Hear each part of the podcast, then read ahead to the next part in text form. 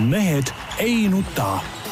selle eest, et mehed ei nutaks, kannab hoolt Unibet, mängijatelt mängijatele tere kõigile, kes meid kuulavad ükstapuha mis ajal ja ükstapuha millistest vidinatest, Mehed ei nuta taas kord eetris, Tarmo Paju Delfist. tegelikult on puhkuselt, aga noh, hinges kindlasti Delfist. kaks päeva on puhanud ja vaata, see röösa nägu on juba ees, eks ole. ja, ja päris hästi töötab see ütleme, ma ei ole väga tu-, nagu olnud veel ideaalne kindlasti selles, aga sellise nagu hoi-, hoidumine väga tihedast uudiste tarbimisest täitsa hästi puhkusel, nagu puhkuseks töötab, ütleme nii.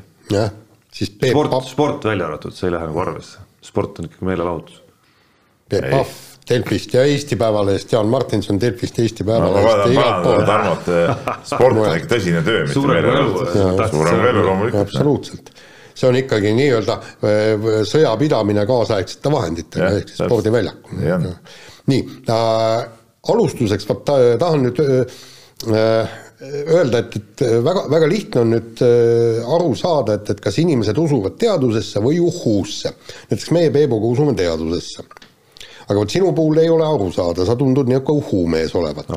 Krista Fischeri intervjuud lugesid viimast, ma ei mäleta isegi, kus kohas see oli, ei lugenud, eks ja tema on ju siis äh, nii-öelda biostatistik ja siis tema uurib, äh, üks tema põhi, põhiuurimisasju on siis äh, eluea pikkus. Ja millest see sõltub, kõik nii, nii. ja statistika ütleb ja Krista Fischer siis toetudes statistikale ütleb, et ülekaal, kerge ülekaal, mitte rasvumine, aga ülekaal, suurendab eluiga, pikendab eluiga meie Peebuga, vot noh. kerges ülekaalus. ei, absoluutselt, ma kusjuures arvutasin välja. kus see, kus see piir jookseb? ei, ei, ei, ei, ei.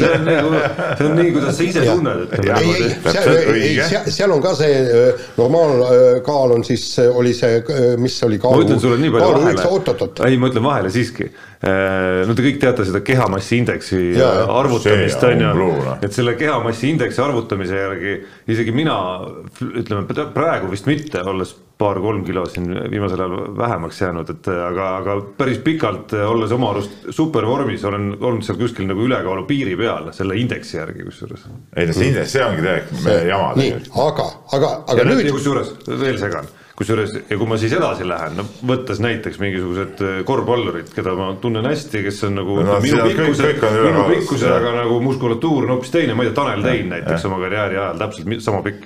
no räiges ülekaalus.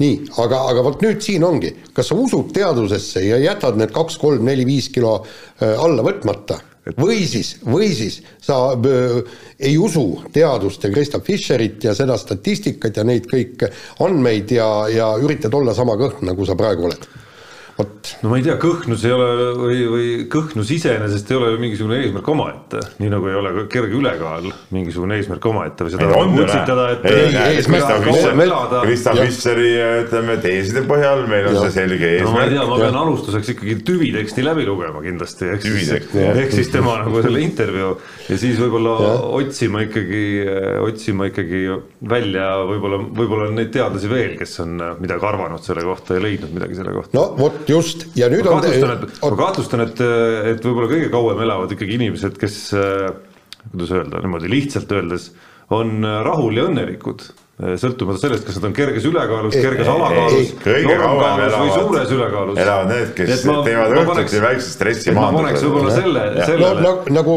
nagu Inglismaa kuninganna. no vaat see, no mis tõestabki seda, mida ma ütlen. nii nagu, nii nagu Jaan eile, eks ole, tõmbas jälle pudel veini sisse, jälle hea olla, tead noh mm.. see tagab pikaaegse rahulolu ja, ja, ja mõnus tunde, noh, noh nii naa. söögi kõrvale, mida sa, palju sellest. ei no aga nii ongi, noh, näed, see tõestab seda, mida ma ütlesin just ma, ma arvan, et sa ei ole kerges ülekaalus.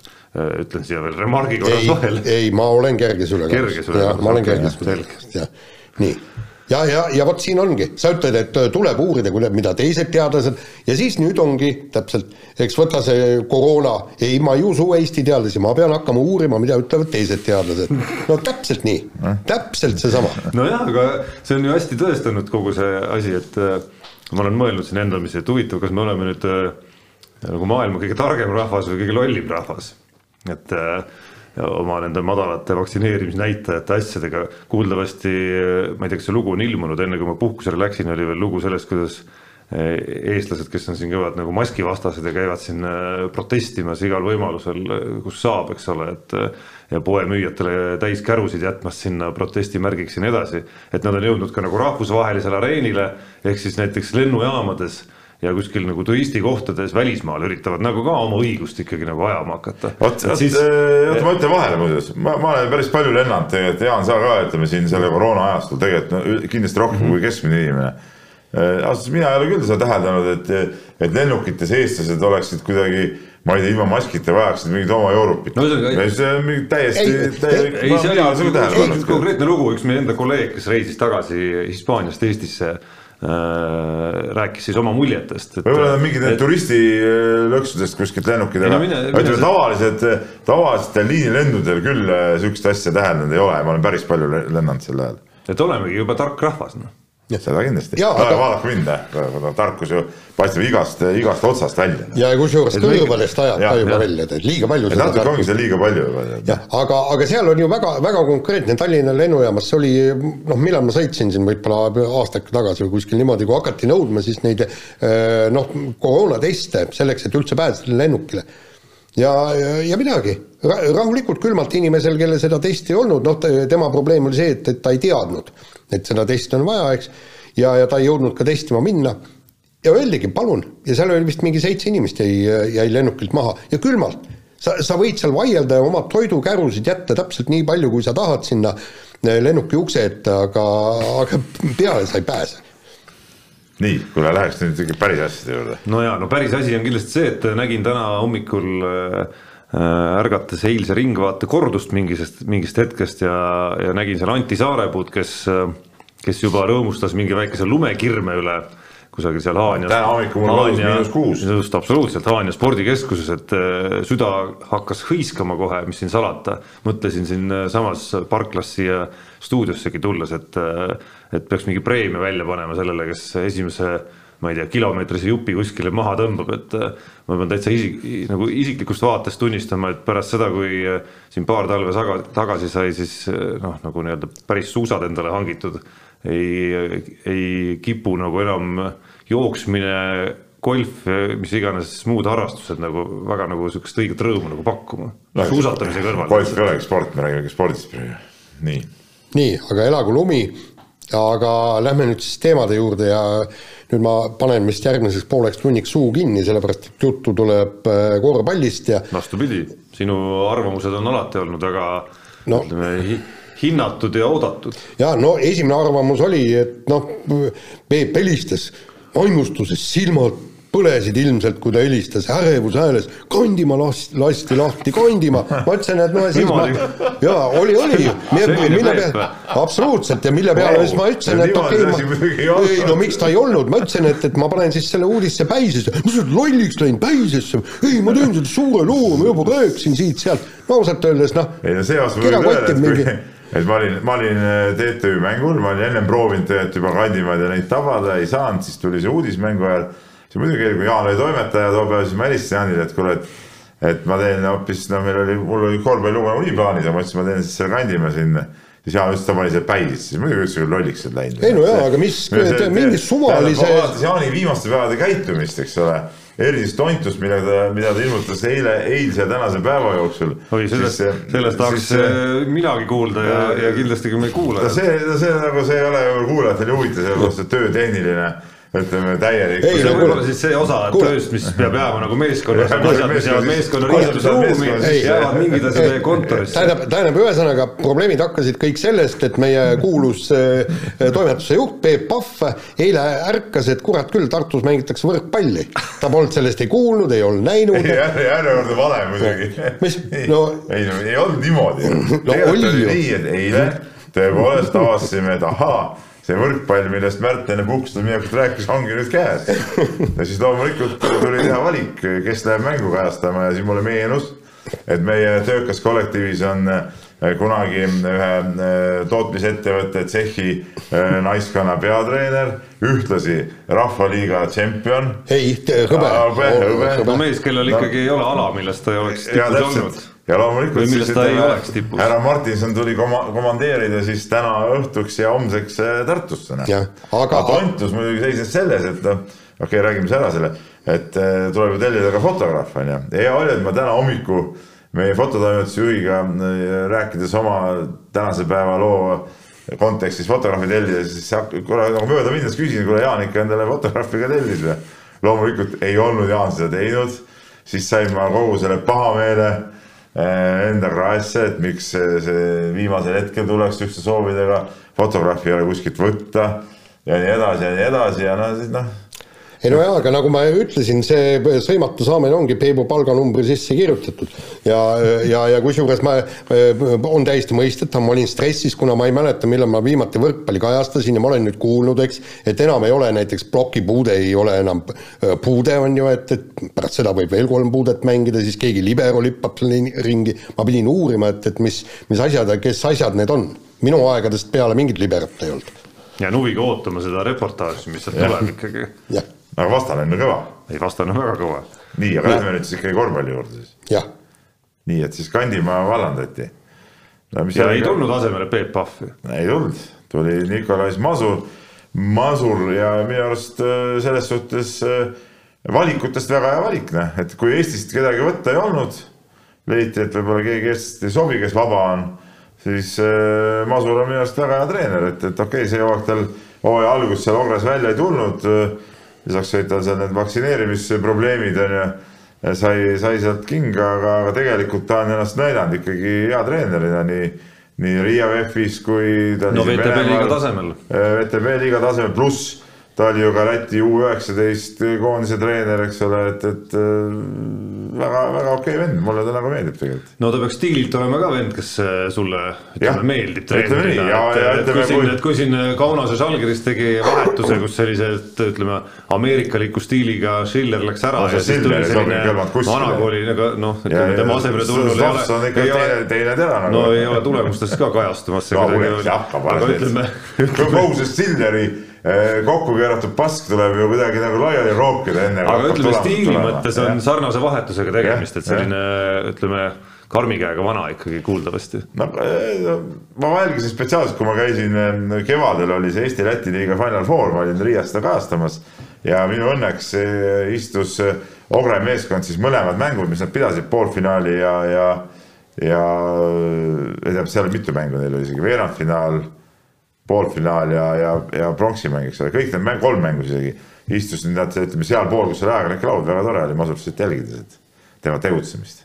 aga noh, ütleme paralleel sellesama Žalgirisega ei ole ju väga kohatu isegi, tasemed on muidugi väga erinevad, aga aga ilmselgelt jõudis Tartu ka natukene sellisesse faasi, kus, kus nagu midagi oli vaja hakata nagu tegema, et seda, sellele viitasid nii tulemused kui kui noh, tundub, et ka sealt seestpoolt äh, asja nägevatele inimestele siis see, mis seal seespool nagu toimus, et et noh, kuskilt mingist otsast tuli muutus teha, et siin on Tartu, no me jõuame sellesama teemaga äh, otsaga ju sinna ka, kus äh, alati, kui Tartu viimasel ajal vähemalt, viimasel poolteisel aastal vähemalt, et alati, kui Tartu meeskonnal on nagu nii-öelda väga halvad ajad ja väga kehvad tulemused, siis äh, alati on leidunud üks endine Tartu korvpalliäss Tanel Tein, kes on siis äh, sõna võtma hakanud ja nüüd on siis see sõnavõtt päädinud ka sellega, et Tartu Rock on taas alustatud ja käidud välja lubadus hakata siis Eesti teisest liigast selle meeskonnaga äh, tulema. ei no jätame selle praegu kõrvale, palju, palju edu Tanel Teinile ja Tartu Rockile ja ootan huviga, kuidas neil see minema hakkab, Tanel Tein on tore mees ja Meelis Pastak, kes on ütleme tegevmänedžeridest, ma arvan, Eesti parim ma saan aru, on ka seal otsapidi asja juures jälle, et, et neile edu, aga, aga selge see, et lähiaastatel ikkagi on olulisem see, kuidas selle Tartu äh, ülikooli meeskonna. aga kus ma tahtsin selle jutuga jõuda, miks ma selle sisse tõin, et, et, et mingist otsast ma nagu ütleks, et just viimasel aastal noh, tundub see see, kuhu Tanel Tein on seda kriitika nagu teravikku asetanud, minu jaoks nagu võib-olla mitte päris nagu äh, nagu õige koht selles mõttes just, et, et see aeg ju, kus, kus, kus Tartule sai ette heita seda nagu tohutut ambitsiooni puudumist, minu arust on nagu möödas, on ju.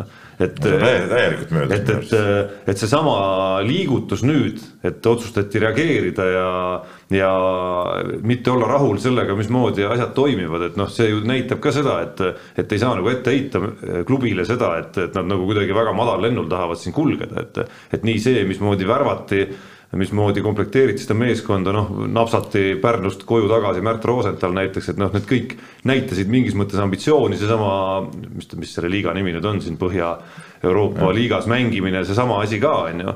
et järgmine küsimus on lihtsalt see, et kuidas need asjad siis päriselt nagu välja kukuvad, kuidas see värbamine välja kukub, kuidas treenerid saavad selle koosluse, mis nad kokku on ajanud, siis käima ja siis lõpuks, kuidas mingites reaalsetes mänguolukordades ja mängudes suudetakse mingisugune noh, alustades sellest, kuidas mingi mängu lõpp suudetakse kas ühele või teisele poole kangutada, eks ole.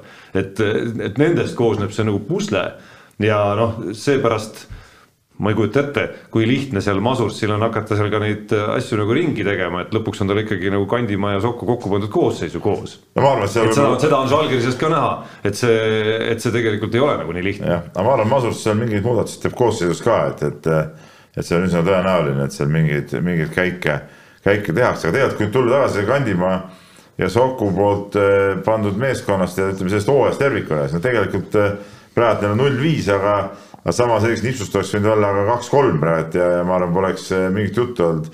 karikas jõuti Final Fouri ja, ja, ja oleks asjad, asjad kõik korras olnud, et see, ma arvan, et kogu see kirstunael tegelikult peitubki selles hooaja esimeses mängus LU-ga ehk Läti ülikooliga, mis peeti võõrsil ja kus saadi sellel hetkel ootamatu, aga pärast vaadates Läti ülikooli järgmisi mänge, siis võib-olla see noh, nad olidki hooaja alguses väga kõvad, eks ole, et, et nad pidasid, said ju kohe kaks või kolm võitu seal. ja, ja, ja see võib-olla nii suur ime polnudki, aga jah, selles kaotuses pluss siis see Tarva mängu kaotus, äh, noh. Need olid lõpu peal ja, ja loteriid, et aga, aga selge see, et mingi, mingi sihuke, kuidas ma ütlen, mingi liivatera seal selles Tartu, Tartu asjas sees oli, sest et ütleme õiget mängu ju võib-olla sihukest mängu nagu oodati ja, ja nagu hooajalised kontrollmängud võib-olla lubasid, seda ju ei, ei tulnud. okei okay,, seal oli mingeid probleeme ka, et seal see äh, leedulasest äh, pikk vend oli seal vigastatud vahepeal ja, ja, ja ei ole ju see saanud ka nüüd mängida, need, aita nüüd, äh, eelmise hooaja kapten, noor mees, üheksakümmend üheksa sünniaastaga noh, ässad siin koos. jah, ei, ma praegu kiilusid nimed kinni, eks ole, et äh, Robin Kivi et äh, ei ole saanud ju ka mängida kaasa, noh nüüd viimases mängus alles vist tegi, oli, oli esimest korda kohal.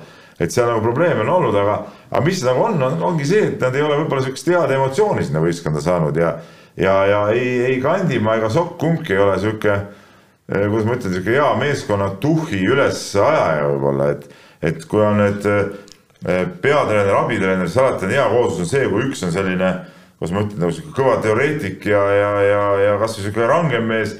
ja teine on siis sihuke, kes nagu tuhhi ka ajab, okei okay,, samas see rangus ja tuhhi ajamine võivad olla ka nagu käsikäes käia, et seda on ka palju nähtud. aga, aga ütleme, kui mõlemad on sellised suhteliselt nagu kuivad eh, teoreetikud ja tead, ma näiteks Tiit Sokku hindan väga kõrgelt tema nende teadmiste ja asjade poolest, aga, aga ta ei ole selline, kes, kes davai kutid, nüüd lähme, lähme teeme, paneme, et sihukest asja temas ei ole. et, et siis Kandimaa oli ka samas stiilis vend et siis, äh, siis see võib olla, olla see, mis, äh, mis sai saatuseks ja nagu ma Kandimaaga pühapäeval rääkisin, ta ise usub ka, et tegelikult seal mingist paarist väiksest asjast piisab, et see meeskond hakkaks nagu paremini mängima, sest et see põhikoosseis on ju tegelikult ütleme seal ütleme kuus-seitse meest nagu sellised, kellega võib mängida väga, väga normaalset mängu, noh, ei ole nagu küsimust ja kui nüüd kedagi veel juurde ka tuuakse, siis miks ka mitte, ütleme okei okay,, sealt tagantpoolt tõesti võib-olla see tase, tase langeb natuke liiga järsult. et noh, ka eelmisel aastal tegelikult äh noh, väga, ma ei tea, ma ei saa öelda väheses kinni, aga noh, meenutame, et Tartu alustas ju hooaega väga hästi, kuni ühel hetkel selgus, et nad ühe legionäriga olid liiga, liiga täkkesse, liiga hästi täkkesse pannud ja see läks minema. ja siis sealt algas nagu lagunemine, et äh, Äh, ja, ja siis selgus, et väga paljude pusletükkidega oli jällegi puusse pandud ja, ja ka nende pusletükkidega, mida asemele toodi, pandi veel rohkem puusse. ehk siis noh, üks asi on, äh, kui tulla jälle selle teini jutu juurde tagasi, üks asi on see nagu etteheide ambitsiooni puudumisest, teine asi on reaalne oskus äh, teha õigeid otsuseid, et me näeme siin praegu üle Euroopa satsides, kus on, ma ei tea, üksikuid Eesti korvpallureid, meie enda koduliiga satsides, euroliiga satsides, kuidas ikkagi noh, sa, sa oled kogenud Peep enda nahal ka kuidas äh, see oli vist Ettore Messina sihuke kuldvaramu lause, et noh, lõpuks sa elad nende, enamasti nende otsustega, mida sa suve jooksul teinud oled. et nende valikutega, mida sa teinud oled, et väga vähe on neid satse, kes suudavad siis hooaja käigus need kõik otsused kuidagi nagu ära paigata, kui nad kõik on nagu viltu läinud. et, et, et, et kui sa ikkagi seal nagu eks, eksid, siis noh, nii nagu Schiller ilmselgelt nagu Žalgiris elab nüüd tegelikult seal nende samade otsustega, mis, mis võtmed anti kätte Schillerile Äh, mis otsused tehti ja noh, ühe hooajaga seda laeva enam nagu ümber ei pööra mitte mingisuguse valemiga. ei, ei, on võimalik pöörata. ei no Leedu tiitliks võib-olla küll, on ju, aga noh, Euroliiga hooaega, Euroliiga hooaega sa ei, sa ei päästa ja. tegelikult ju, ju mingi valemiga. ei no seda küll jah, aga ütleme siis, noh, see eeldabki väga suurt koosseisu muutust ikkagi. ja kas see nüüd tähendab, et äh, jälle ma triivin seda juttu sinna, sinna nagu teini etteheidet suunas, et kas see tähendab, et nagu Paulius Motjejunas, kes, kes on vist valitud, ma ei tea, mitu korda juba aasta klubijuhiks põhimõtteliselt Euroliigas, on nüüd auto, automaatselt nagu kehv klubijuht, noh, et tegelikult ei tähenda, lihtsalt antud hetkel äh, sel aastal on valikud läinud väga valesti.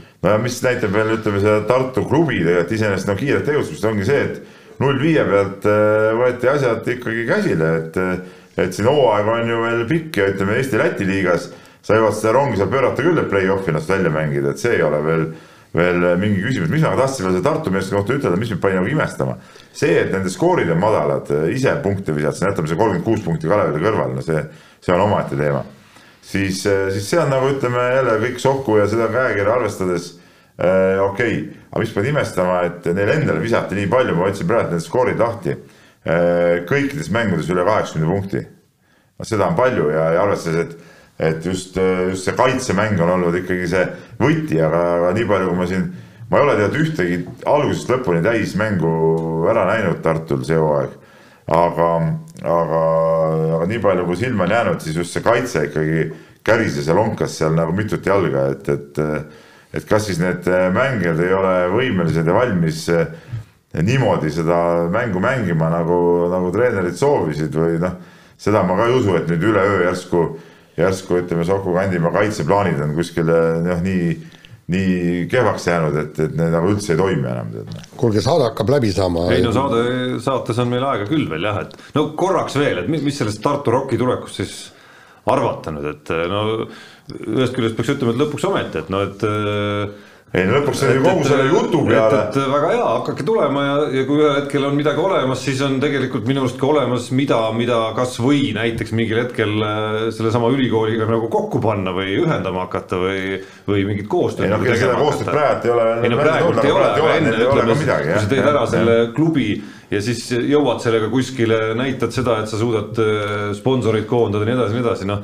siis ühel hetkel minu arust on ka reaalselt, mida nagu kokku panna, et antud juhul mul jäi nagu segaseks, mida nad täpselt tahavad. no ja, ja teine asi on see, ma eile õhtu tehes väike spordiringi äh, hilisõhtul siis äh, kuulasin äh, ühte teist podcast'i, kus korvpallimehed, samad Janar Talts ja Gerd Kullamäe ja rääkisid seal ja ma olen Kullamäe selle jutuga sada protsenti nõus, mis ta ütles ka, et et noh, tegelikult võib-olla Tanel Tein on ikkagi noh, ta on no, tegelikult sellest igapäeva korvpallielust natuke kõrval ja, ja ta tegelikult võib-olla ei tajugi neid äh, kõiki asju ja, ja olukordi, mis, mis siin nende selles Eesti korvpallis ka toimub nende klubisid tehes, et, et seal väike nüanss võib sees olla, et, et kõrvalt on hea nagu rääkida, et et noh, ambitsioon ja, ja kõik see ja teine, no mis minu arust see, see ambitsiooni jutt, noh, see on täiega mingi udu, eks. ei no okei okay,, oli, nagu oli hetk äh, selle ei no see, see on, see on ju vana jutt, mis sellest, sel hooajal rääkides, see on ju täielik udu.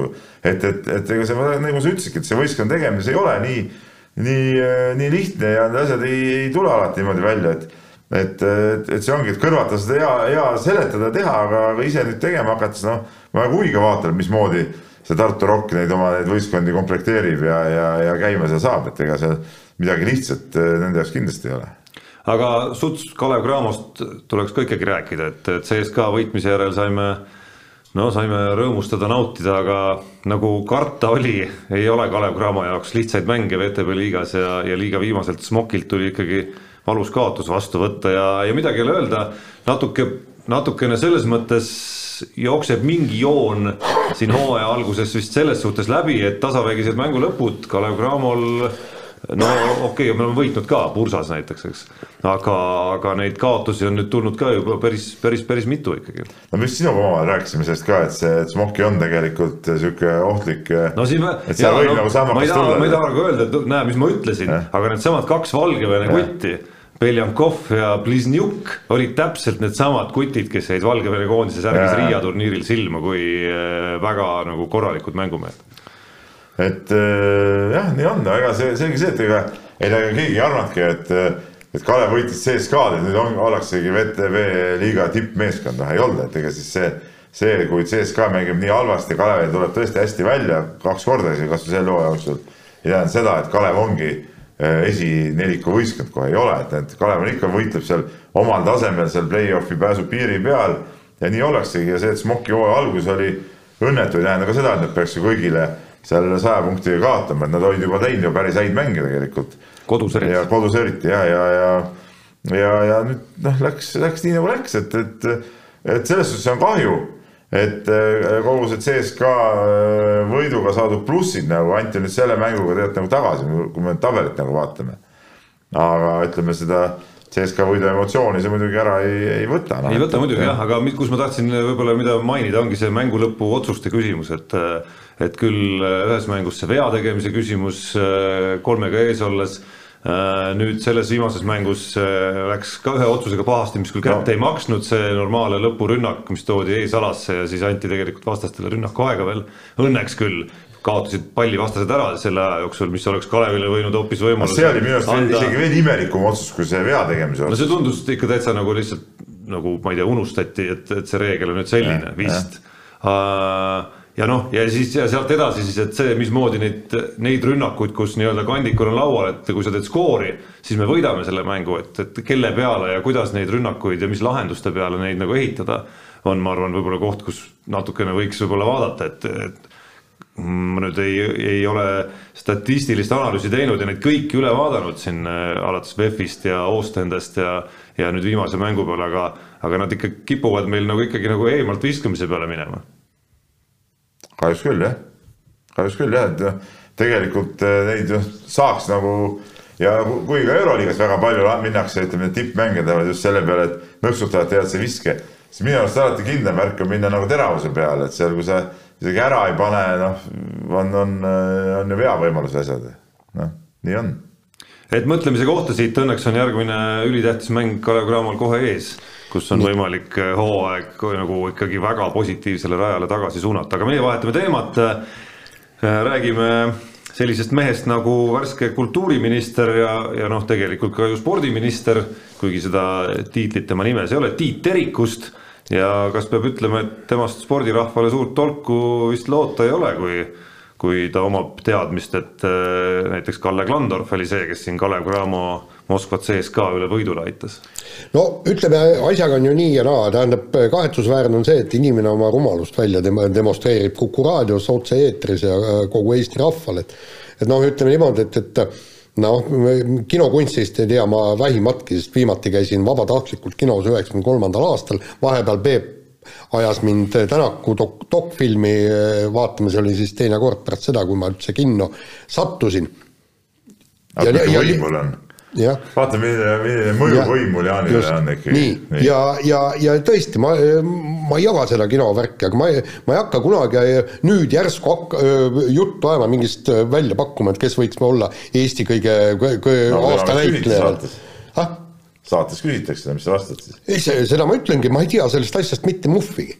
no jaa, aga jaa, kas sa saad ei, aru, kuule, kas sa saad aru, et, et siis sa ei saa ju ministriks ka saada, kui sa niimoodi vastad, ei ole üldse, ma ei saa aru, kuidas eile see mees, see Tiit Terek sai anda mingit ametivannet.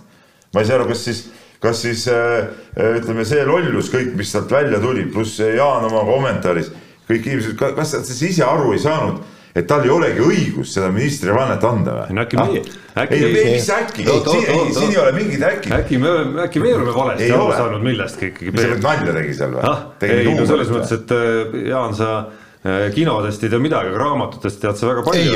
absoluutselt. loomade farmi sa oled lugenud kindlasti. ei, absoluutselt. nii, et noh, seal ju samamoodi ikkagi, mida aeg edasi läks seal farmis, seda selgemaks said, et äh, asjad ütleme, mida teati seni, ei ole päris niimoodi, on ju, et noh võib-olla me lihtsalt ei tea, et äh, Kalle Klandorf on nende CSKA võitjate ei see, see, see ei udu jutt, aga seal samamoodi selgus aja jooksul, kes seal see... nii-öelda kuulsas lahingus olid tegelikult kõvad tegijad. vaata, mind ei oleks häirinud, kui äh, härra kultuuriminister oleks äh, välja öelnud, et sport ei ole minu tugevam külg, õigupoolest ma ei tea sellest mitte midagi, aga ma loodan, et mul on väga head nõunikud, ma loodan, et, et meil on väga head kantslerid, nemad viivad mind asjaga kurssi, küsin targematelt inimestelt nõu ja küll me selle asjaga hakkama saame. see ei oleks olnud piisav, Jaan, see on sama hea, kui ütleme, inimene, kes üldse matemaatikat ei oska, pannakse näiteks rahandusministriks, ta ütleb, et ei, ma tegelikult arvutan, ma ei tea isegi korrutustabelit saja piires, aga aga mul on siin head nõunikud ja, ja me teeme siin eh, need riigieelarved ja asjad teeme kõik, teevad minu eest ära. aga miks üldse seda üldse vaja siis on? no palju siin neid kultuuriministreid no. on olnud, kes spordist nüüd spetsiifiliselt no, teavad? no mida, see ei ole spetsiifiline teadmine ju. see ei ole spetsiifiline teadmine ju kui sa ütled, et eh, ralli populaarsus on tänu Urmo Aavale ja Tarmo Hõbele, eks ole, noh, halloo, no mis, mis jutt see selline on? Ja mina leian küll et äh, see, kuna see intervjuu tuli enne ministriks määramist ja see kõik need väited seal olid nii häbiväärsed ja milline kriitikalaviin tuli, siis no ma ei tea, mina oleks küll häbenenud minna äh, siis eile sinna Riigikogu ette mingit ametivannet lugema, et ma hakkan nüüd ministriks, no mis asja, noh. kuule, Jüri Ratas ka, tore mees, spordimees, mis ise aru ei saa, et et see on ju täielik jama ju noh, no see on ebareaalne täiesti ju. ega, ega ma saan aru, minister on poliitiline koht ja kõik need poliitbroilerid, ega see vend ka, ta okei okay,, tegi kunagi mingit õpilasmaleva mingit klooni, eks ole. pärast seda ta on olnud ju, käib mööda poliitilisi ametikohti, ega ta midagi reaalset ju kunagi teinud ei ole. et siukseid mehi pannaksegi siia, istu siin, ole siin minister, ole seal minister, juhata siin volikogu, viibuta haamrit, eks ole. no aga, aga mingi, mingisugune arvu peaks ikka peas olema. oot-oot-oot, no? Peep vaata, sa oled ju korvpallimeeskonna treener, on ju? nii, sul on pingil äh, konkreetne arv mängijaid ja sa pead Kule, kedagi ju mängima. on mingi tuhandeid inimesi. jaa, aga selgub, et Tiit Terik on kõige targem. Nad ju võtsid ministriks ka ju mitte erakonda, siis see, see Liimets, see välisminister oli ka ju tavaline inimene. noh, keegi oli veel seal üks, see, see politseimees, eks ole. Jaani jah ja., Kristjan Jaani, noh, oleks saanud ju võtta küll ju, oleks saanud võtta küll niisuguse inimese. ei, aga nad tahtsid eh, oma erakonnast ja kui selgub, et see ongi kõige targem ja kõige kultuursem inimene, muide, Ratas muideks Ratas muideks ütles, et ta sobib kultuuriministriks, sest mäletad, mikspärast ta sobib, sest ta on käinud teatris ei no mis, mis no, teatris, jah, mis teatris. ei no järelikult see on Kesk, Keskerakonna ainukene inimene, kes on käinud teatris, tähendab, ta teab, mis asi on teater, kui paremaid võtta ei ole. mina saa... ikkagi ei saa sellest aru, et kas mingit häbi otsa käärt ei ole siis või äh?? ja mina ikka arvan, et teie ei saa aru või meie ei saa aru, et noh, me pole lihtsalt enne aru saanud, et, et ralli on populaarne no ta, ma ei saa öelda, et äh, Urmo Aavo ja Tarmo Hõbe ei oleks teinud midagi, et ralli ei oleks populaarne. ei, sellepärast ei ole populaarne. aga me ei ole lihtsalt õigest asjadest aru saanud, noh no mina ei tea. Kalle Klandorf tuleb välja, ongi nagu seal Loomade farmis see Napoleon, noh, kes, kes nagu aeg, aeg liikus edasi ja selgus, et tema oli kõige hea taga, mis seal farmis sündis, noh no see näitab, see on eriti, see on ikka eriti kitsasilmaline, kui sa ütleme, tead ainult oma partei piires, et et Riina Embrich suur kummardus, kummardus talle, aga, aga ta ei ole ju aasta naissportlane, eks ole, noh. Kalle Klandor, aga Keskerakonna liige, no aga saab öelda, et Riina Embrichi väga oluliselt tork, et ei, no, poleks pole. neid olnud, ei oleks olümpiavõitu tulnud. seda küll, aga no ta ei ole aasta naissportlane, noh. No ja kui sa tead, et Kalle Klandorf ka väga tore mees ja, ja tõesti vinge, noh. ja on selle hooaega ka väikse Kalevi eestlased väga hästi alustanud, eks ole, kahe võiduga nii, aga no ega siis sa tead, et tema ei ole ju CSKA alistanud. ja, ja, ja Kus mina. sa tead, et ei ole? nii. tean. kuidas sa tead? ma olin saalis. no mis siis noh see, et aga... sa ei näinud Kalle Klandorf, ei tähenda, et ta ei olnud selle võidu taga. aga, aga, aga minu meelest kõige hämmastavam on see, et, et kuidas on võimalik üldse niimoodi, tähendab mingisugusest kas meediast, kui sa AK uudiseid vaatad, sa ju tead ju, sa peaksid teadma. Nad ei vaata AK uudiseid võib-olla. järelikult ei ole. no kui sa vaatad ükstapuha millist portaali või ükstapuha või ajalehte. no ta ei vaata ajalehte, noh. no järelikult nii ongi, jah no ei olegi ette näha, inimesed ei pea vaatama, no aga siis ei pea ka ministriks saama, tead noh, väga lihtne. ei, ma veel kord ütlen, kui ta on kõige kultuursem ja targem inimene Keskerakonnast, no tuleb panna noh. No mina ei tea, ma tean mõnda Keskerakondlast veel, eile hommikul siis ka Hannes Kalvik helistab mulle. no mis te nii, mis see Jaan seal nüüd nii kuri on, ma ütlesin, kuule, mis sa loll oled peast nüüd, et no Hannes Kalvik, kes ei tea, on Keskerakonna, mis ta see pressišef või? jah, meie endine spordiajakirjanik ma mõtlesin, et loll oled peast, me peame tegema kõik selleks, et see inimene täna ametisse ei astuks, noh. aga ikka astus, tead, noh. noh, Kalvik jäi rahule su vastusega, ma usun. no, no, no, no andke aega talle ikka, okei, okei. no tead, nagu ta on. väga hästi nii. ah soo, nii, läheme edasi, no üks lollus ajab teist taga ja, ja ega siin lähme järgmise teema juurde.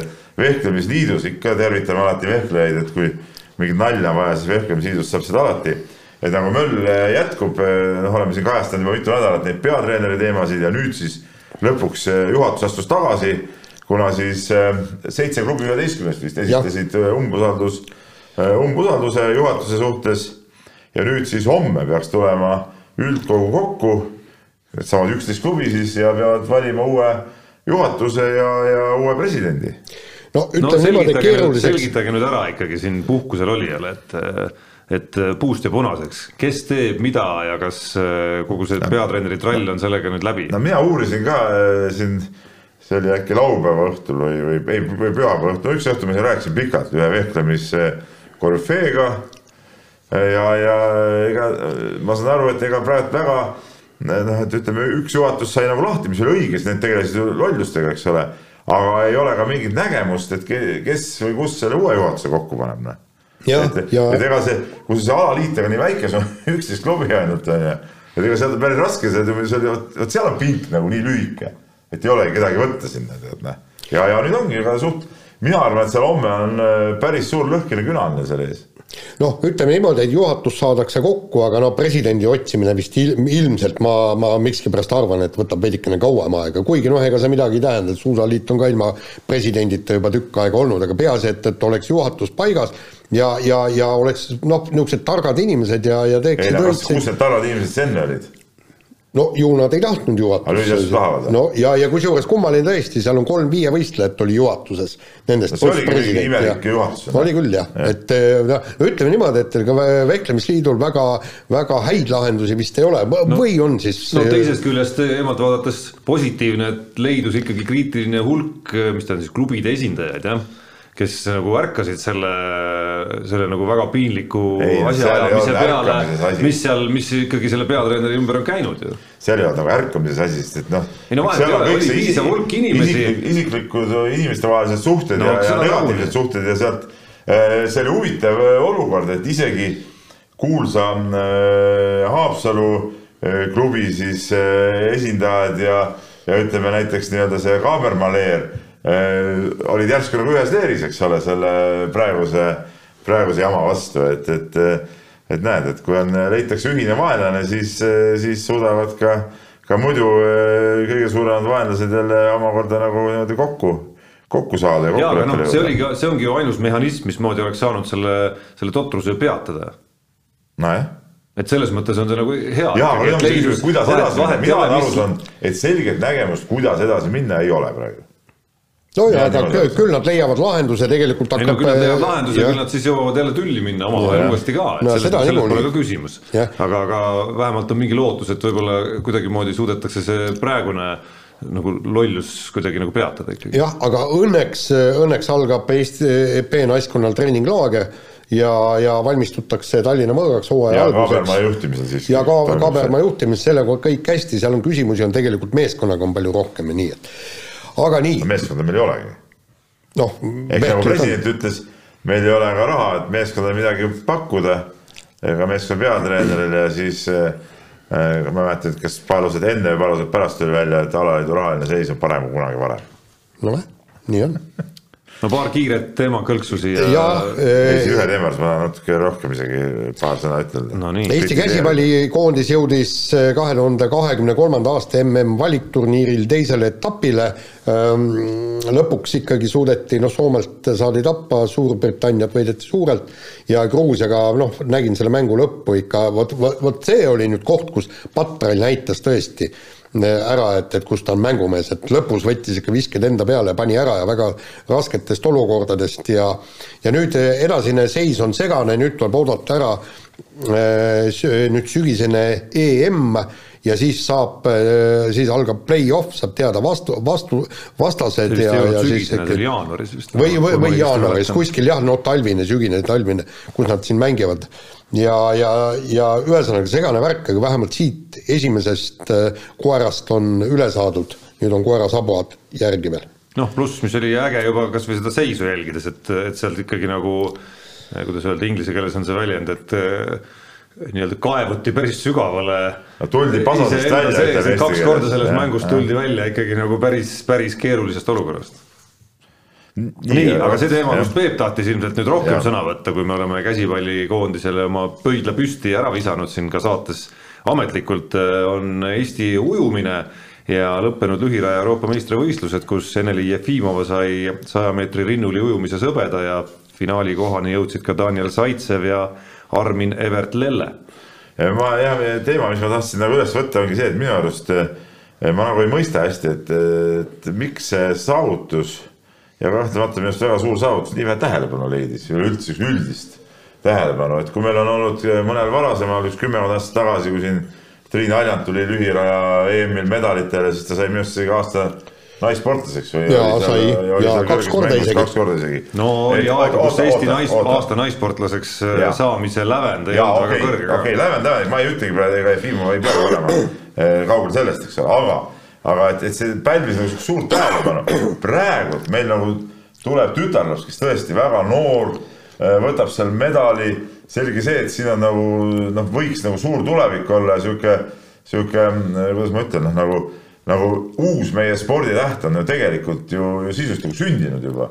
aga, aga sihuke üldine tähelepanu oli sellele üli, ülimadal minu arust ja. no mis sa silmas pead, selle äh, üldise tähelepanu? mingi asiotaaži selle ümber ei tekkinud nagu. no see oli ju meie oli, sinu võimuses ta... seda luua rohkem. jaa, aga ta oli, tead, ta oli üsna seal olümpial oli võib-olla ära, siis kui ta võitis juunioride MM-ilt, võitis kulla, hõbeda ja pronksi, et siin on, tead seal no ei äh,, ikkagi no mis meie no Jaan tegi ju mitu mitu lugu selle ujumise teemadel, aga ütleme, ma vaatan kohe loetavuse järgi, noh, ütleme, nad ei olnud nii nii loetavad, kui ma oleks nagu eeldanud, kuigi seal olid ka emotsionaalsed pealkirjad ja, ja kõik asjad ja, ja kuhu ma tahtsin jutuga jõuda, ongi see, et, et järjekordne näide sellest, kuidas ütleme, klassikaline ja vaieldamatult väga huvitav spordiala ikkagi nagu, ikkagi tänapäeval jälle ei lähe niimoodi peale, no kas see on ikka selle viga äkki tead, noh?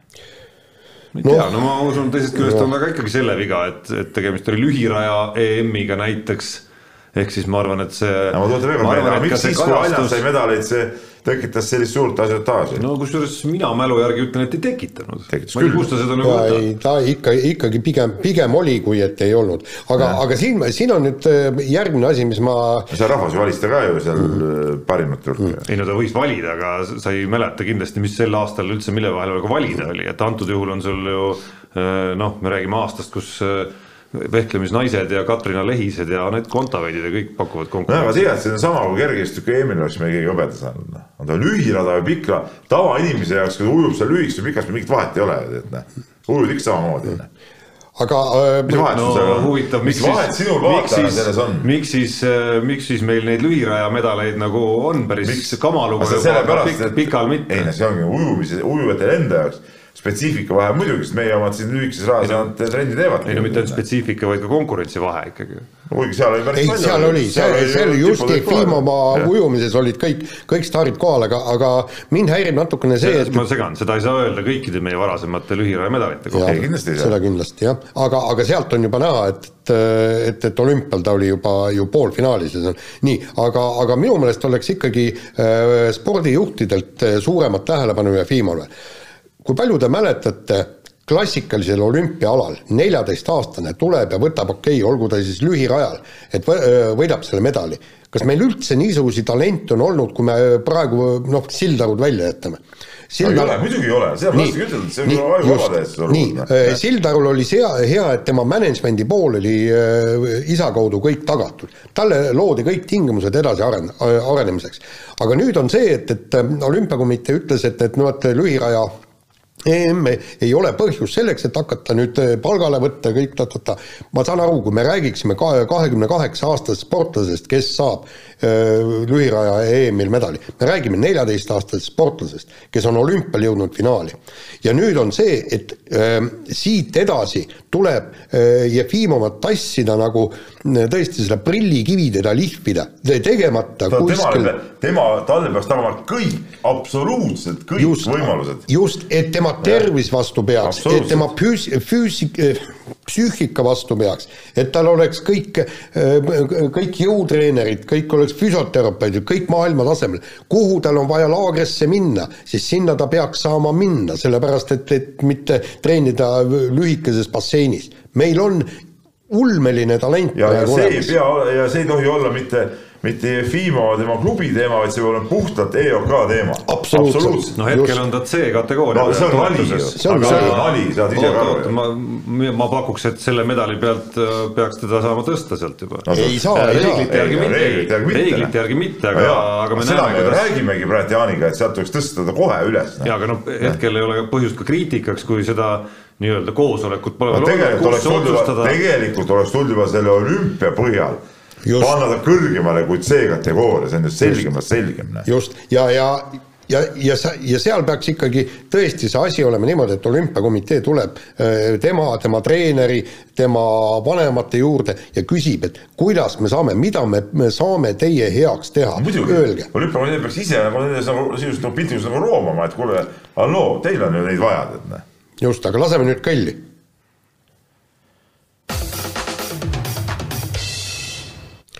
kiire vahemäng ja tõesti tuleb jälle kiirelt tegutseda ja Ott Tänak jääb perekondlikel põhjustel Monza rallist kõrvale, mis Just. ei ole väga paha, sellepärast et eh, mina ei pea siin kahtlemata üle Eestimaa on Jaan Martinson. Ja.. jah, ei noh, tähendab, ta on nii ja naad, et eh, natuke mina ka rõõmustasin, sest ma tunnistan ausalt, ütleme, ütleme tööjõupuudus praegu eh, on toimetuses nii suur, kuna sõita nii palju, siis on hea meel, et et Jaan ei pea minema, kuigi ja, ma korra, ma siiski, ei, see on järgmine nädal, eks olnud ma siiski korra Jaani teadmata isegi mängisin peas nädalavahetuse mõttega, et peaks ikka Jaani mina arvan siiamaani, et peaks minema no ei, aga, aga nagu no. rääkida telgitagustes, näe huvitav uudis Vaata. oli, huvitav uudis oli, just lugesin, äh, kuidas äh, Andrea Adamo tunnistas, et neil on uue auto ehitamisega, nad on konkurentidest maas, on ju. noh, kõik need asjad tuleks välja nuhkida sealt, Jaan. jaa. roomata kapottide alla, autode alla ja nii edasi ja nii edasi. kõik on õige aga praegustes koroona tingimustes sa ei pääse siia. sa ei pääse sinna. räägi mees, kes ei tea, kuidas, on siis maskeerud kuidagi ja nii edasi. maskeerud, Jaanil ei ole vaja maskeeruda. Vene sõjaväes käinud. ja ei, ma ei olnud luuraja, ma ei olnud seal luuraja. üldiselt luuramises olen ma väga kehv, aga see selleks, tähendab äh.... Öelge parem siis seda, okei okay,, Jaan Jaaniks mis need põhjused on siis ikkagi no,? ta küsib kindlasti kõik, kõik see rallisõber üle Eestimaa. no ma ei ole päris kindel, et need on perekondlikud põhjused. ma ei ole päris kindel selles. sama siin. no nii. et perekonnas, tähendab, nii palju sõnum tuli, et perekonnas on kõik hästi. et no siin nagu ütleme nii, et ma arvan, et siin me võime kuulda, ma me puhtalt spekuleerime, me võime kuulda uue hooaja eel päris huvitavaid uudiseid siin nagu ralli, rallimaailmast, aga noh, kas need ka tegelikkuseks saavad, kes teab. et siin nagu raske on seda teemat nagu kuidagi kommenteerida nagu, kui kui nagu ei ole nagu midagi täpselt ütelda, aga, aga, aga ütleme, ma arvan, et siin võib huvitavaid käike veel, veel tulla enne uut hooaega. jah, tähendab, kui rallihuviline ise tahab, siis, siis lugege foorumeid ja vaadake, mis seal räägitakse. nii, aga väikene kiidunurk siia vahele FC Flora võttis konverentsi liigas äh, kaks-kaks viigiga veel ühe punkti, et eurohooaeg kahe punktiga, tõsi, see oli nüüd niisugune mäng. aga äh, millest sa kiidad siin? selle, see oli nüüd, see oli nüüd selline mäng, kus ikkagi isegi ma tajusin siin mitme mitte spordiajakirjanikust äh, kolleegi seas tohutut sellist nagu asiotaaži hõngu enne mängu, kuidas oi, täna õhtul me lähme ja täna saab, tuleb ajalooline võit. huvitav, ma seda asiotaaži kuskil ei tajunud, aga aga, aga see, kiita ka midagi eest ei ole, see oligi see, et seal tuligi võita, see oli peaaegu nagu kohustuslik võit Loorale.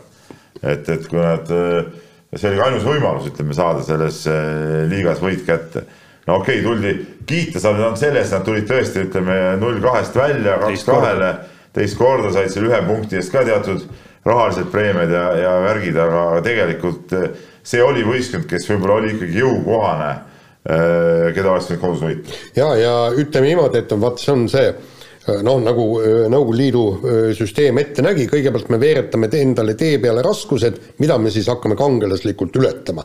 ja just, et noh, et tegelikult null kaks ei oleks vaja olnud taha jääda.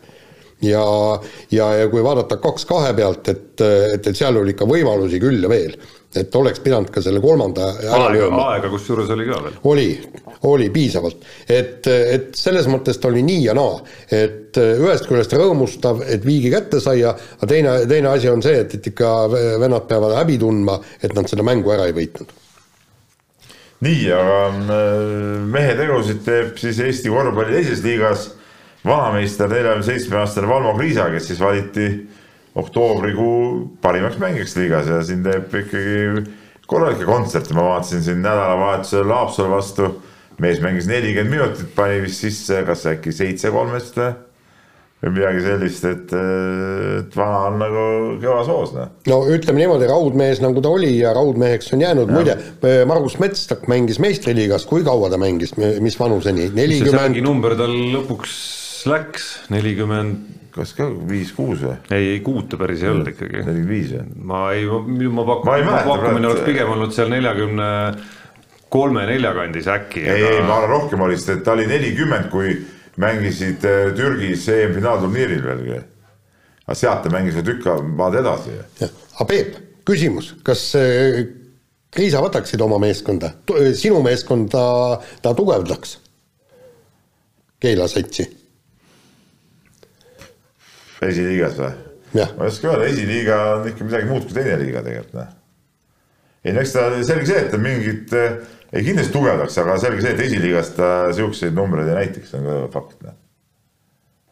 et see ei ole nagu võimalik, et ei, aga no ma arvan, et ta on heas vormis, ma viimati nägin teda eelmine aasta, kui ta käis eh, Keilas mängimas, kui mängisime duubelmeeskonnaga ka teist liigat, eh, siis me võitsime Viljandit ja Liisa meie vastu tegi minu arust kümme palli kaotust, aga aga, aga tundub, et ta see hooaeg on, on kuidagi parem isegi kui eelmine aasta. ja Metstak neljakümne viieni mängis ära, et loobus ja siis sai nelikümmend kuus suvel. Okay. ja, ja kui kaua Metstak oleks võinud teises liigas mängida? no ma arvan, kaua veel. siiamaani vot seda ei tea. ei no võimas, noh, vähemalt on äh, ma ei tea, siin juba äh, ühes korvpalli podcast'is, ma ei mäleta, millises visati nalja, et, äh, et uuel Tartu Rockil on nagu no see on samas nagu esimene nurgakivi, nurgakivi on nagu olemas. kullaga tuleb vilja käänest nagu panna seal nurka seisma, et siis nagu teinil on nagu ütleme, esimesed kivid olemas. Teie võiks ise ka minna. Tein on noorem mees kui Kriisa. milles asi on, ma ei saa aru. see mingi nahahoidja on või? noh, mingi põllule tead noh nii, aga räägime hokist ja Robert Rooba viskas taas kord värava ja Severstal võitis äh, KHL-is üheksanda mängu järjest, et, et praegu on ikkagi jube hea hoog on, on meeskonnal peal ja ja, ja aga vaatad üheksa võitu järjest kõik, aga turniiritabel ei ole noh, ta on play-off'i kohal ja kõik, eks. neljal kohal oma sest. just, aga, aga ütleme nüüd niimoodi, et, et, et sealt on veel minna kuhu. ei, see, see, nagu see seis ongi tihe, neil hooaja algus võib-olla ei olnud kõige õnnestunum, et nad said ennast nüüd väga hästi käima, aga ta oli ka eelmine hooaeg play-off'i meeskond, nii et ütleme, teada oli, et see võistkond on tugev. aga ütleme, seegi see, et see selline võiduseeria nüüd ja nüüd tuli siis väike paus tuleb KHL-is, eks ole, on koondiste mängud ja Robert Robagi see nädal ju mängib Tallinnas siin, siin äh, koondise eest, et, äh, et selles suhtes äh, vägev, noh, vägev, et ta saab ka mängida seal ja nagu me siin ühes eelmises saates üle-eelmises ka rääkisime, et, et noh, see on, mina pakun välja, et Rooba on praegu Eesti noh, okei okay,, pallimäng, aga nagu ütleme, toome nagu ütleme, siukeste võistkonnaalade esindajad, mina pakun välja, et Rooba on Eesti võistkonnaalade sportlastest kõige kõrgemal tasemel mängiv ja kõige kõrgemal tasemel mängija praegu, vaieldamatult ja võiks ka olla nii, jah. jah, noh, raske on. ma ei näe nagu kedagi. raske peale peale Mait Kotsari on vist nagu raske kedagi sinna üldse nagu võrdlusesse panna, kui mõtleme korvpall, siis mõtleme jalgpalli peale. noh, Karl Jakobein ikkagi väljakul ei käi veel, ei, käi veel sellel tasemel no,, kus ta on. Kotsar okei okay, jaa, mängib seal eurosarjas korralikus, nagu... korralikus eurosarjas, aga ütleme liiga, igapäevane liiga, ütleme nii kõva ei ole, kui, kui KHL ikkagi okis näe, et, et. et ma on nagu minu silmis on see nii igatahes noh nii, aga selle saatuse lõpetuseks äh, natukene tennisest ka, Anett Kontaveit on alustamas siis sellel nädalal WTA aastalõputurniiri. ma teen väikse reklaami ka nüüd, et, et jälgige tähelepanelikult siis ka Delfi portaali, meil on oma ekipaaž seal kohal, et, et tuleb, tuleb uudiseid sealt ja pilte ja värke ja särke. ja kanname mänge üle ka. absoluutselt, aga enne kui. kuigi kes öösel neid ikka vaatab. enne, no kõik on ka järelvaadatavad, et enne kui Anett Kontaveit sõitis Mehhiko poole, jõudsid, jõudis nii tema kui ka tema Äh, uus treener Dmitri Tursunov äh, käia Eestis ja, ja anda siin äh, noh, mitte palju, aga, aga mõned intervjuud, pluss Tursunovilt tuli üks väga huvitav intervjuu ka Venemaa meediale, kus siis, kust siis pärinevad ka Tursunovi laused ja mõtted, mille ma siin võtaks kokku võib-olla või millest huvitavam osa võtaks võib-olla kokku nende sõnadega, et Tursunovi sõnul praegune tennisemängijate põlvkond peab treenerit sulaseks, mitte õpetajaks. Ja oli väga kriitiline väga paljude maailma tippnaistennisistide osas, kes ikkagi nagu rahulduvad eh, top kahekümnesse jõudmisega, eh, seal olemisega ja ei ole valmis tegelikult ikkagi nagu oma täit potentsiaali eh, nii-öelda nagu kõva töö tegemisega välja mängima. jaa, aga seal ta tõi selle näiteks, kes oli see vene, vene tennisist, ta ei olnud Kafelnikov või kes, kes see oli? Safin. Safin, jah. et kes Marat Marat Safin, et kes äh, võinuks olla maailma esinumber, aga vend ütles rahulikult, et ma oma tervise äh, hinnaga ja ilmselt ka vaimse tervise hinnaga ei hakka sinna pürgima, ma rahuldun praegu sellega, mis ma olen, eks.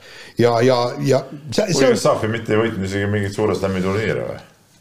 Nii. oli äh, tipp ikkagi ja ei, ei ta, ta oli ikka absoluutne tipp jah, aga ta ei olnud see nii-öelda esinumber. et, et, et see võib olla ka paljude põhjus, et, et kui sa vaatad, eks, et, et mida sa pead tegema selleks, et oma kahekümnendalt kohalt pääseda sinna esimeseks või kõik, kõik see ja kui, kui see nõuab liiga palju sinu jaoks, sinu võimete jaoks vaimset ja kehalist pingutust, siis vot see ongi mõttekoht no mis oli, mis oli eh, selle lause nagu esimene pool või selle teema sissejuhatuse esimene pool oli minu arust huvitav, ta natuke haakus minu jaoks vähemalt sellega, mida sa, Jaan, oled siin ise varasemalt rääkinud, et see eh, eriti veel sellisel glamuursel individuaalalal, nagu seda on eh, tennis, et seal see, kuidas öelda, treeneri valimise ja treeneriga suhe on selline päris keerukas asi, kus, kus jah, mängija justkui ju tegelikult, kui sa oled nagu tippmängija on nagu jõupositsioonil ikkagi, et sina nagu käsed pood ja lased ja siis on see küsimus, et, et kui palju sa oled siis valmis kuulama ka kriitikat tema suust, ma ei tea, laskma endal vajadusel nägu täis sõimata, nii edasi ja nii edasi, on ju. et see on ikka nagu väga õhuke joon, mille peal seal nagu treenerid peavad käima ja nagu, nagu Tursunov siis ütleb, et on väga palju, palju tennisetippe, kes, kes tegelikult noh, ei, ei tahagi võib-olla nagu kuulda, kui sa lähed talle ütlema, et et pagan, et sa nagu nüüd hakka, hakka trenni tegema näiteks. ja ei, absoluutselt ja, ja, ja see niimoodi on, aga noh, ütleme niimoodi, et, et targad tennisistid kindlasti ei pea treenerit enda teenriks, vaid see, edu tagab ikkagi koostöö. et jah, mina teen tulemuse, aga, aga sina aitad mind selle tulemuse tegemisel. vaata, kui me tegime seda pikka pikka lugu LP-s Anett Kontaveidist siis äh, väga mitu inimest, mm, kellega me seal rääkisime, tõid selle Tarmo Tiitsu äh, ehk siis tema üldfüüsilise treeneri, kes on teda ju juhendanud juba tont teab mis ajast peale. Äh, ja, ja seal oligi, ta hakkas ju verinoorest peale, ta on peaaegu kümme aastat vist juhendanud Anett Kontaveiti. ja seal toimib see koostöö. Anett Kontaveit saab aru, et, et, et see on talle kasulik ja tal ei ole vaja üldfüüsilise treenerit vahetada sest, sest ta on tõesti hea ja ta areneb. ja, ja, ja täpselt samamoodi ma kujutan ette, et kui ta leiab tõesti treeneri, kellega siit edasi minna, ta võib selle Tursunoviga võib-olla tõesti viis või jumala eest kümme aastat, kui palju ta mängida kavatseb, edasi minna.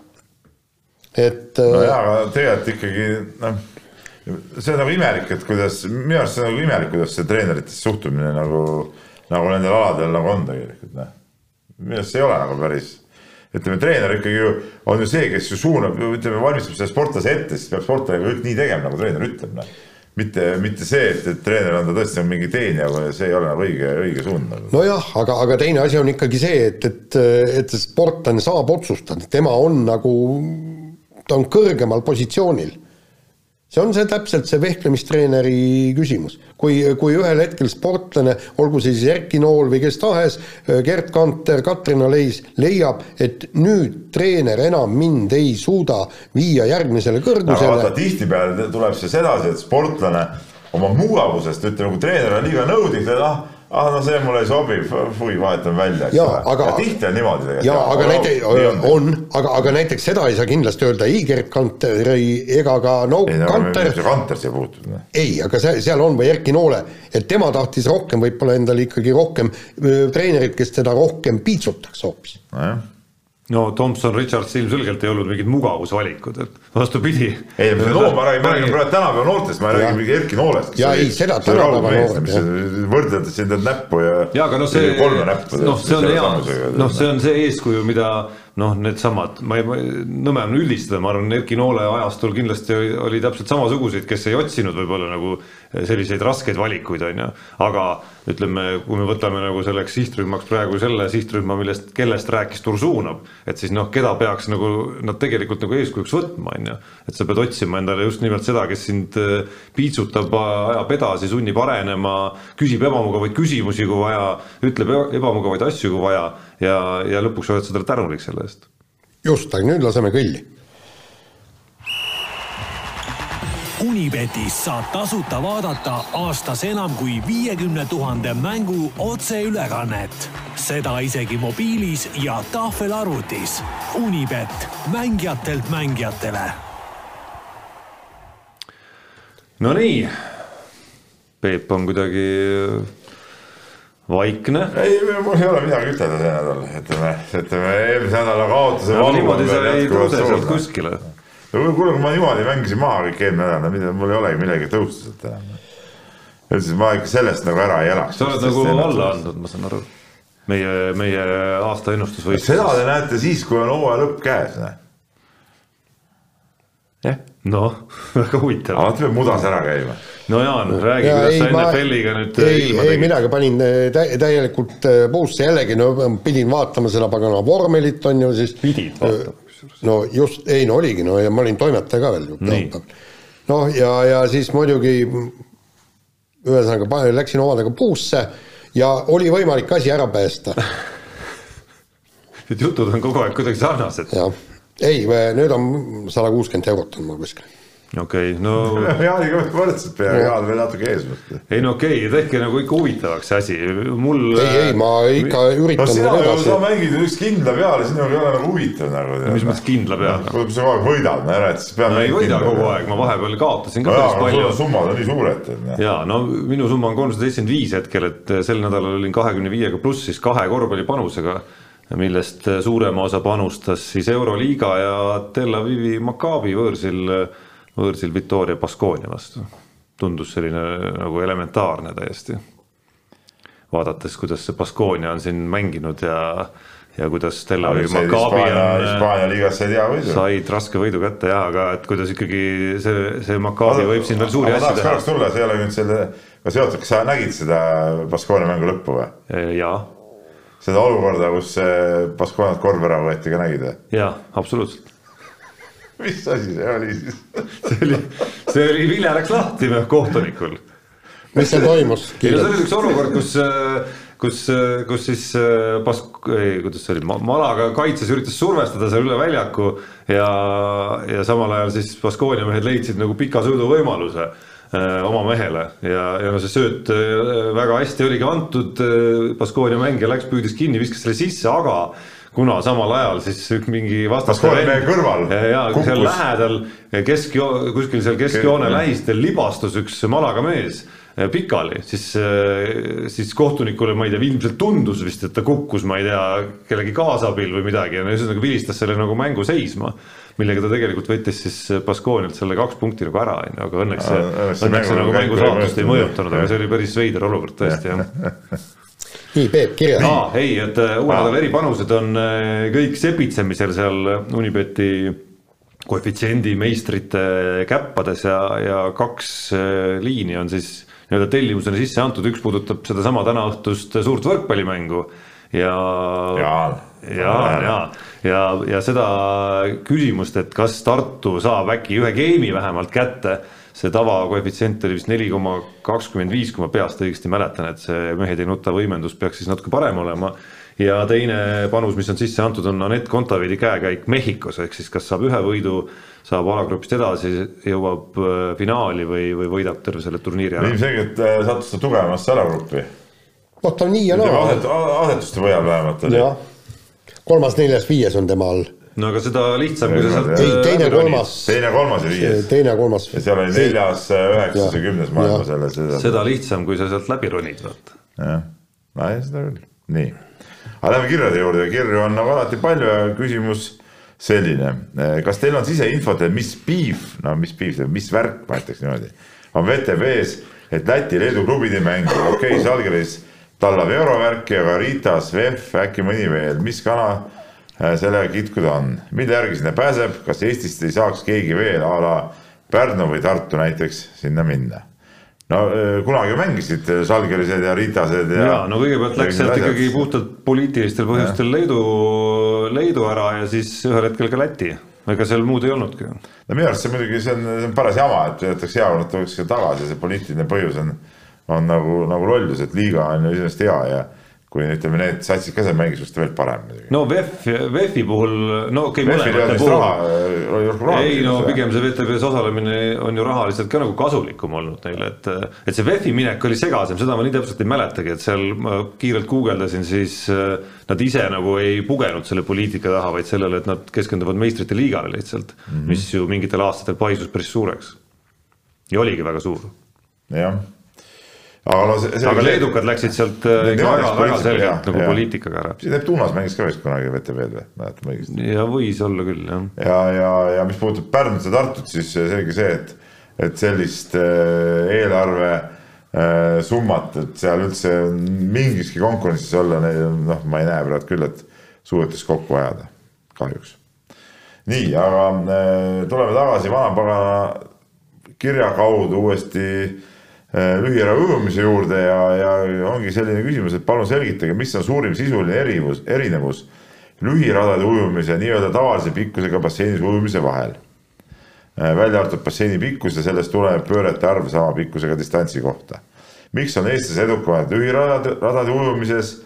absoluutse võhikuna võiksin ma ju öelda, et sama distantsi korral on erinev ainult pööret, erinevus ainult pöörete arvus ja pööre on pigem keerulisem kui lihtsalt otse ujuda no seal on põhi, põhi, kui te vaatate, kas, ma isegi ei mäleta, mis distantsil see oli, kui see, kui te vaatate seda lühiaraja ujumist, siis on ju niimoodi, et pärast pööret ujutakse vee all, tehakse kolm-neli tõmmet ja ollakse jälle seinas. et, et, et see on nagu vaadata, vaadata puhtalt selle tõmmete arvu järgi, on, on, on tõesti kaks täiesti erinevat äh, ujumisviisi.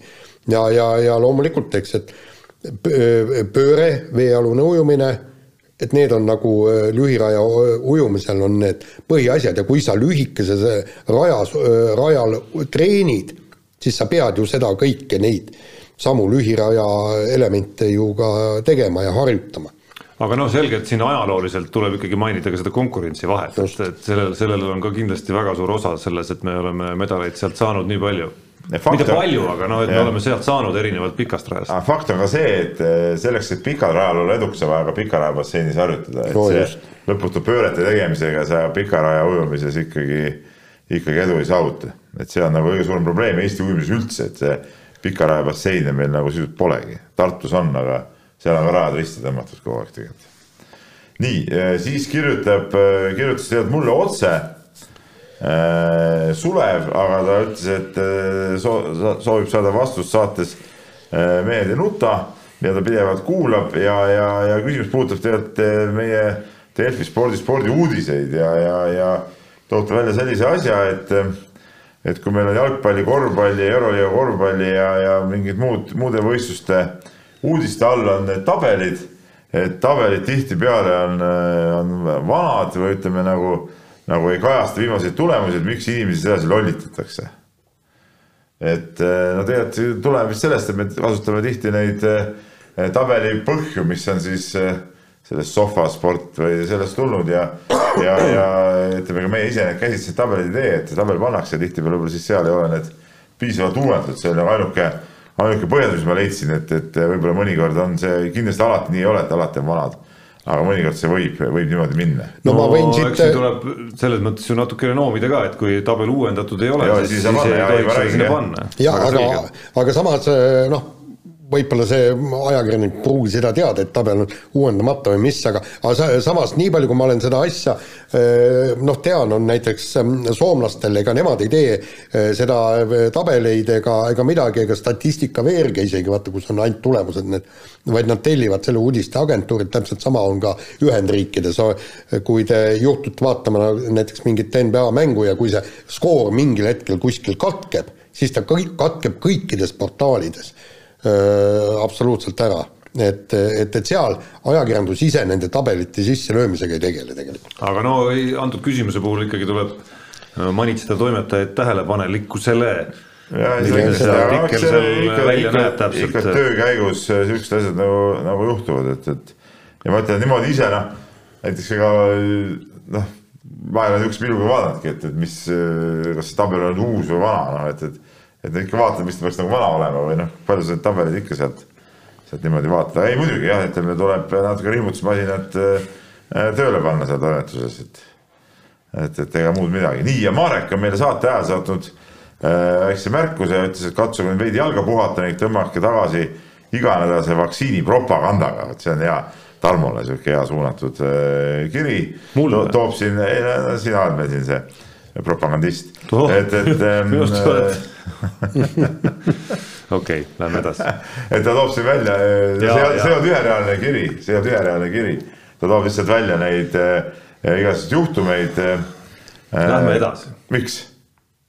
mis juhtumeid, hakkame äkki, teeme enne fact check'i ka ära nendele juhtumitele. ei, ei, ma ei hakka siin numbreid, aga ta toob siin äh, välja erinevaid, äh, mis on ravimi, ta pani lingi ka siia, kas sa loed seda kirja või näed? ei, ma saate ajal ei okay. loe tõesti kirju. no mina vaatan küll, kuna minu asi nagu võtta, et äh, ta räägib siin kõrvalmõjudest tegelikult, eks ole, ja, ja ja, ja selge see, et, et see on olemas, ma, mina nagu, nagu nõustun sellega, et see on ja, ja, ja sellepärast ma pean ka väga oluliseks, et see kuulus kahjude hüvitusfond saaks võimalikult kiiresti töösse ja tehtud sa ei pea seda oluliseks, Tarmo või? Äh, sinu sõnumid on selles mõttes vastakad, mida me siin nüüd kuuleme, et üks, kaks saadet sa oled rääkinud, kuidas tuleks sundvaktsineerimine. tulekski, tulekski, aga kahjude korvamiseks peab olema ka fond, väga õige. ma ei vaidle sellele vastu. no näed, siis on, siis on hästi, aga näete, Tarmo siiski on natuke, ütleme eh, hellake selle teema juures. ei taha, ei tahtnud. absoluutselt, kus sa, kus sa seda nagu välja loed praegu ei tahtnud ta sellel teemal väga pikalt nagu, et lähme edasi ja nii edasi. noh, nii ei saa, eks tuleb ikka kõikidele pooltele sõna anda. aga sundvaktsineerimisega ma olen nõus tegelikult. aga vastab, vastab tõele. aga kusjuures just nüüd selle viimane nädal on hästi palju artikleid olnud, ma olen neid äh, kõike ka lugenud, et äh, tegelikult peaks valitsus oma poliitika üle vaatama, vaktsineerimine enam ei ole see, millele nüüd rõhuda, et kui me kõik vaktsineerime, seal olid väga mitmed arstid ja teadlased ütlesid välja, et seda, mis see, et umbes kõik, kõik, kõik on varsti immuunsed, et, et kõik seda ei ole nagu tulnud ja vist ei tulegi. ei, ei, seda ei tulegi. ei no seda, see on ammu selge olnud jah, et mille valguses jääb väga segaseks, mis hoidis tagasi sellesama näiteks hea näide, seesama koolides äh, testide tegemine, miks seda esimesest septembrist ei võinud juba mingi regulaarsusega tegema hakata? mis see nagu, mis see nagu, ei no nagunii nüüd tuli tegema hakata ju noh no aga see tegemine on ju ka puhas pakasuhha. ei, miks ta pakasuhha on? ei, neid teste tehakse ju kodus tegelikult. ei, no päris palju tehti kooli, enamasti tehti koolis. mina, mina teen oma lapsele kodus igatahes. meie koolis ja... tehti koha peal ikkagi neid. meie, meie koolis tehakse, mis meie koolis, mina ei käi koolis. no minu laps käib koolis, noorem laps käib koolis veel seal tehakse kodus ja noh, tegelikult kokkuvõttes eh, kõik see asi eh, põhineb ikkagi nii-öelda ausõnal, alguses oli, esimest korda tuli veel pilt saata, aga nüüd minu arust ei tule isegi pilti saata, vaid lihtsalt saadad sõnumi, et ok ja siis ongi. okei okay,, no kindlasti on no, neid, kes tahavad seal petta või kuidagi, aga mis see pakasuhha, mis see nagu huvi on, kokkuvõttes on nagu sinu huvi, et teha see ära ja, ja saada vajadusel teada. ei, mina, mina ei arva, et me peaks tegema iga pagana päev neid teste. ei, ma ei ütle iga päev, aga kasvõi esimesest septembrist kord nädalas, näiteks. Äh, ei, aga kui tihti sina näiteks testi teed? mina tegin viimati eelmisel teisipäeval. miks? sellepärast, et ma käisin äh, matustel ja enne sinna minekut igaks juhuks kõik, kes me sinna läksime, tegime selle ära no see on mingi narrus. miks ta narrus on? absoluutselt, jumal, võikski olla selline. mina peale seda, kui ma sain äh, teise vaktsiini kätte, pole ühtegi testi teinud loomulikult, noh. Mis no, peaks tegema? see, see on väga vastuoluline jutt sul, kui ühest küljest sa räägid, et Äh, oleme selgeks saanud, et vaktsineerimine üksi meil seda asja ei lõpeta. ja siis sa, siis sa nüüd ütled, et, äh, et kuna ma olen vaktsineeritud, siis ma ei testi ennast no,. Need kaks sõnumit on omavahel väga vastuolus. ennast nad haigena, noh. asi pole enda tundmises, vaid ka selles, et sa ei pruugi tundagi midagi no.. ja, ja kui ma lähen sinna. seda hakkas ju see Kadai ka, et mõttetu on nii palju testida, väga õiget juttu. nii palju. üle, üle võlli, noh ei, aga seal oli, selle peale Irja Lutsar ütles, et, et testitakse vähe, aga see selleks, seal on praegu tuleb keskenduda, millal on see tõhustusdoos, millal tuleks järgmine tõhustusdoos. Ja... tõhustusdoosile minna juba novembri lõpus, kui ma tahan no..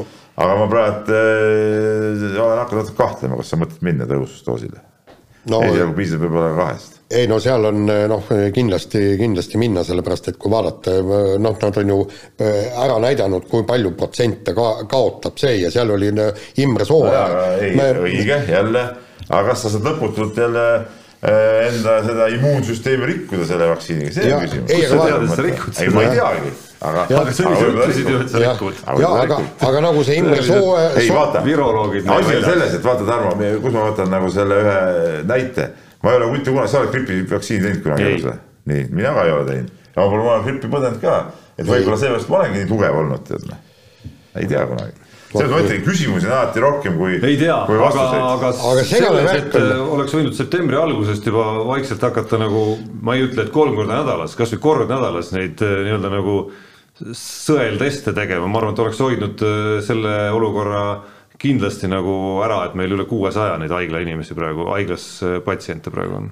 ma olen selles küll väga kindel. nii, aga sellega on saade lõppenud ja kuulake meid järgmine kord.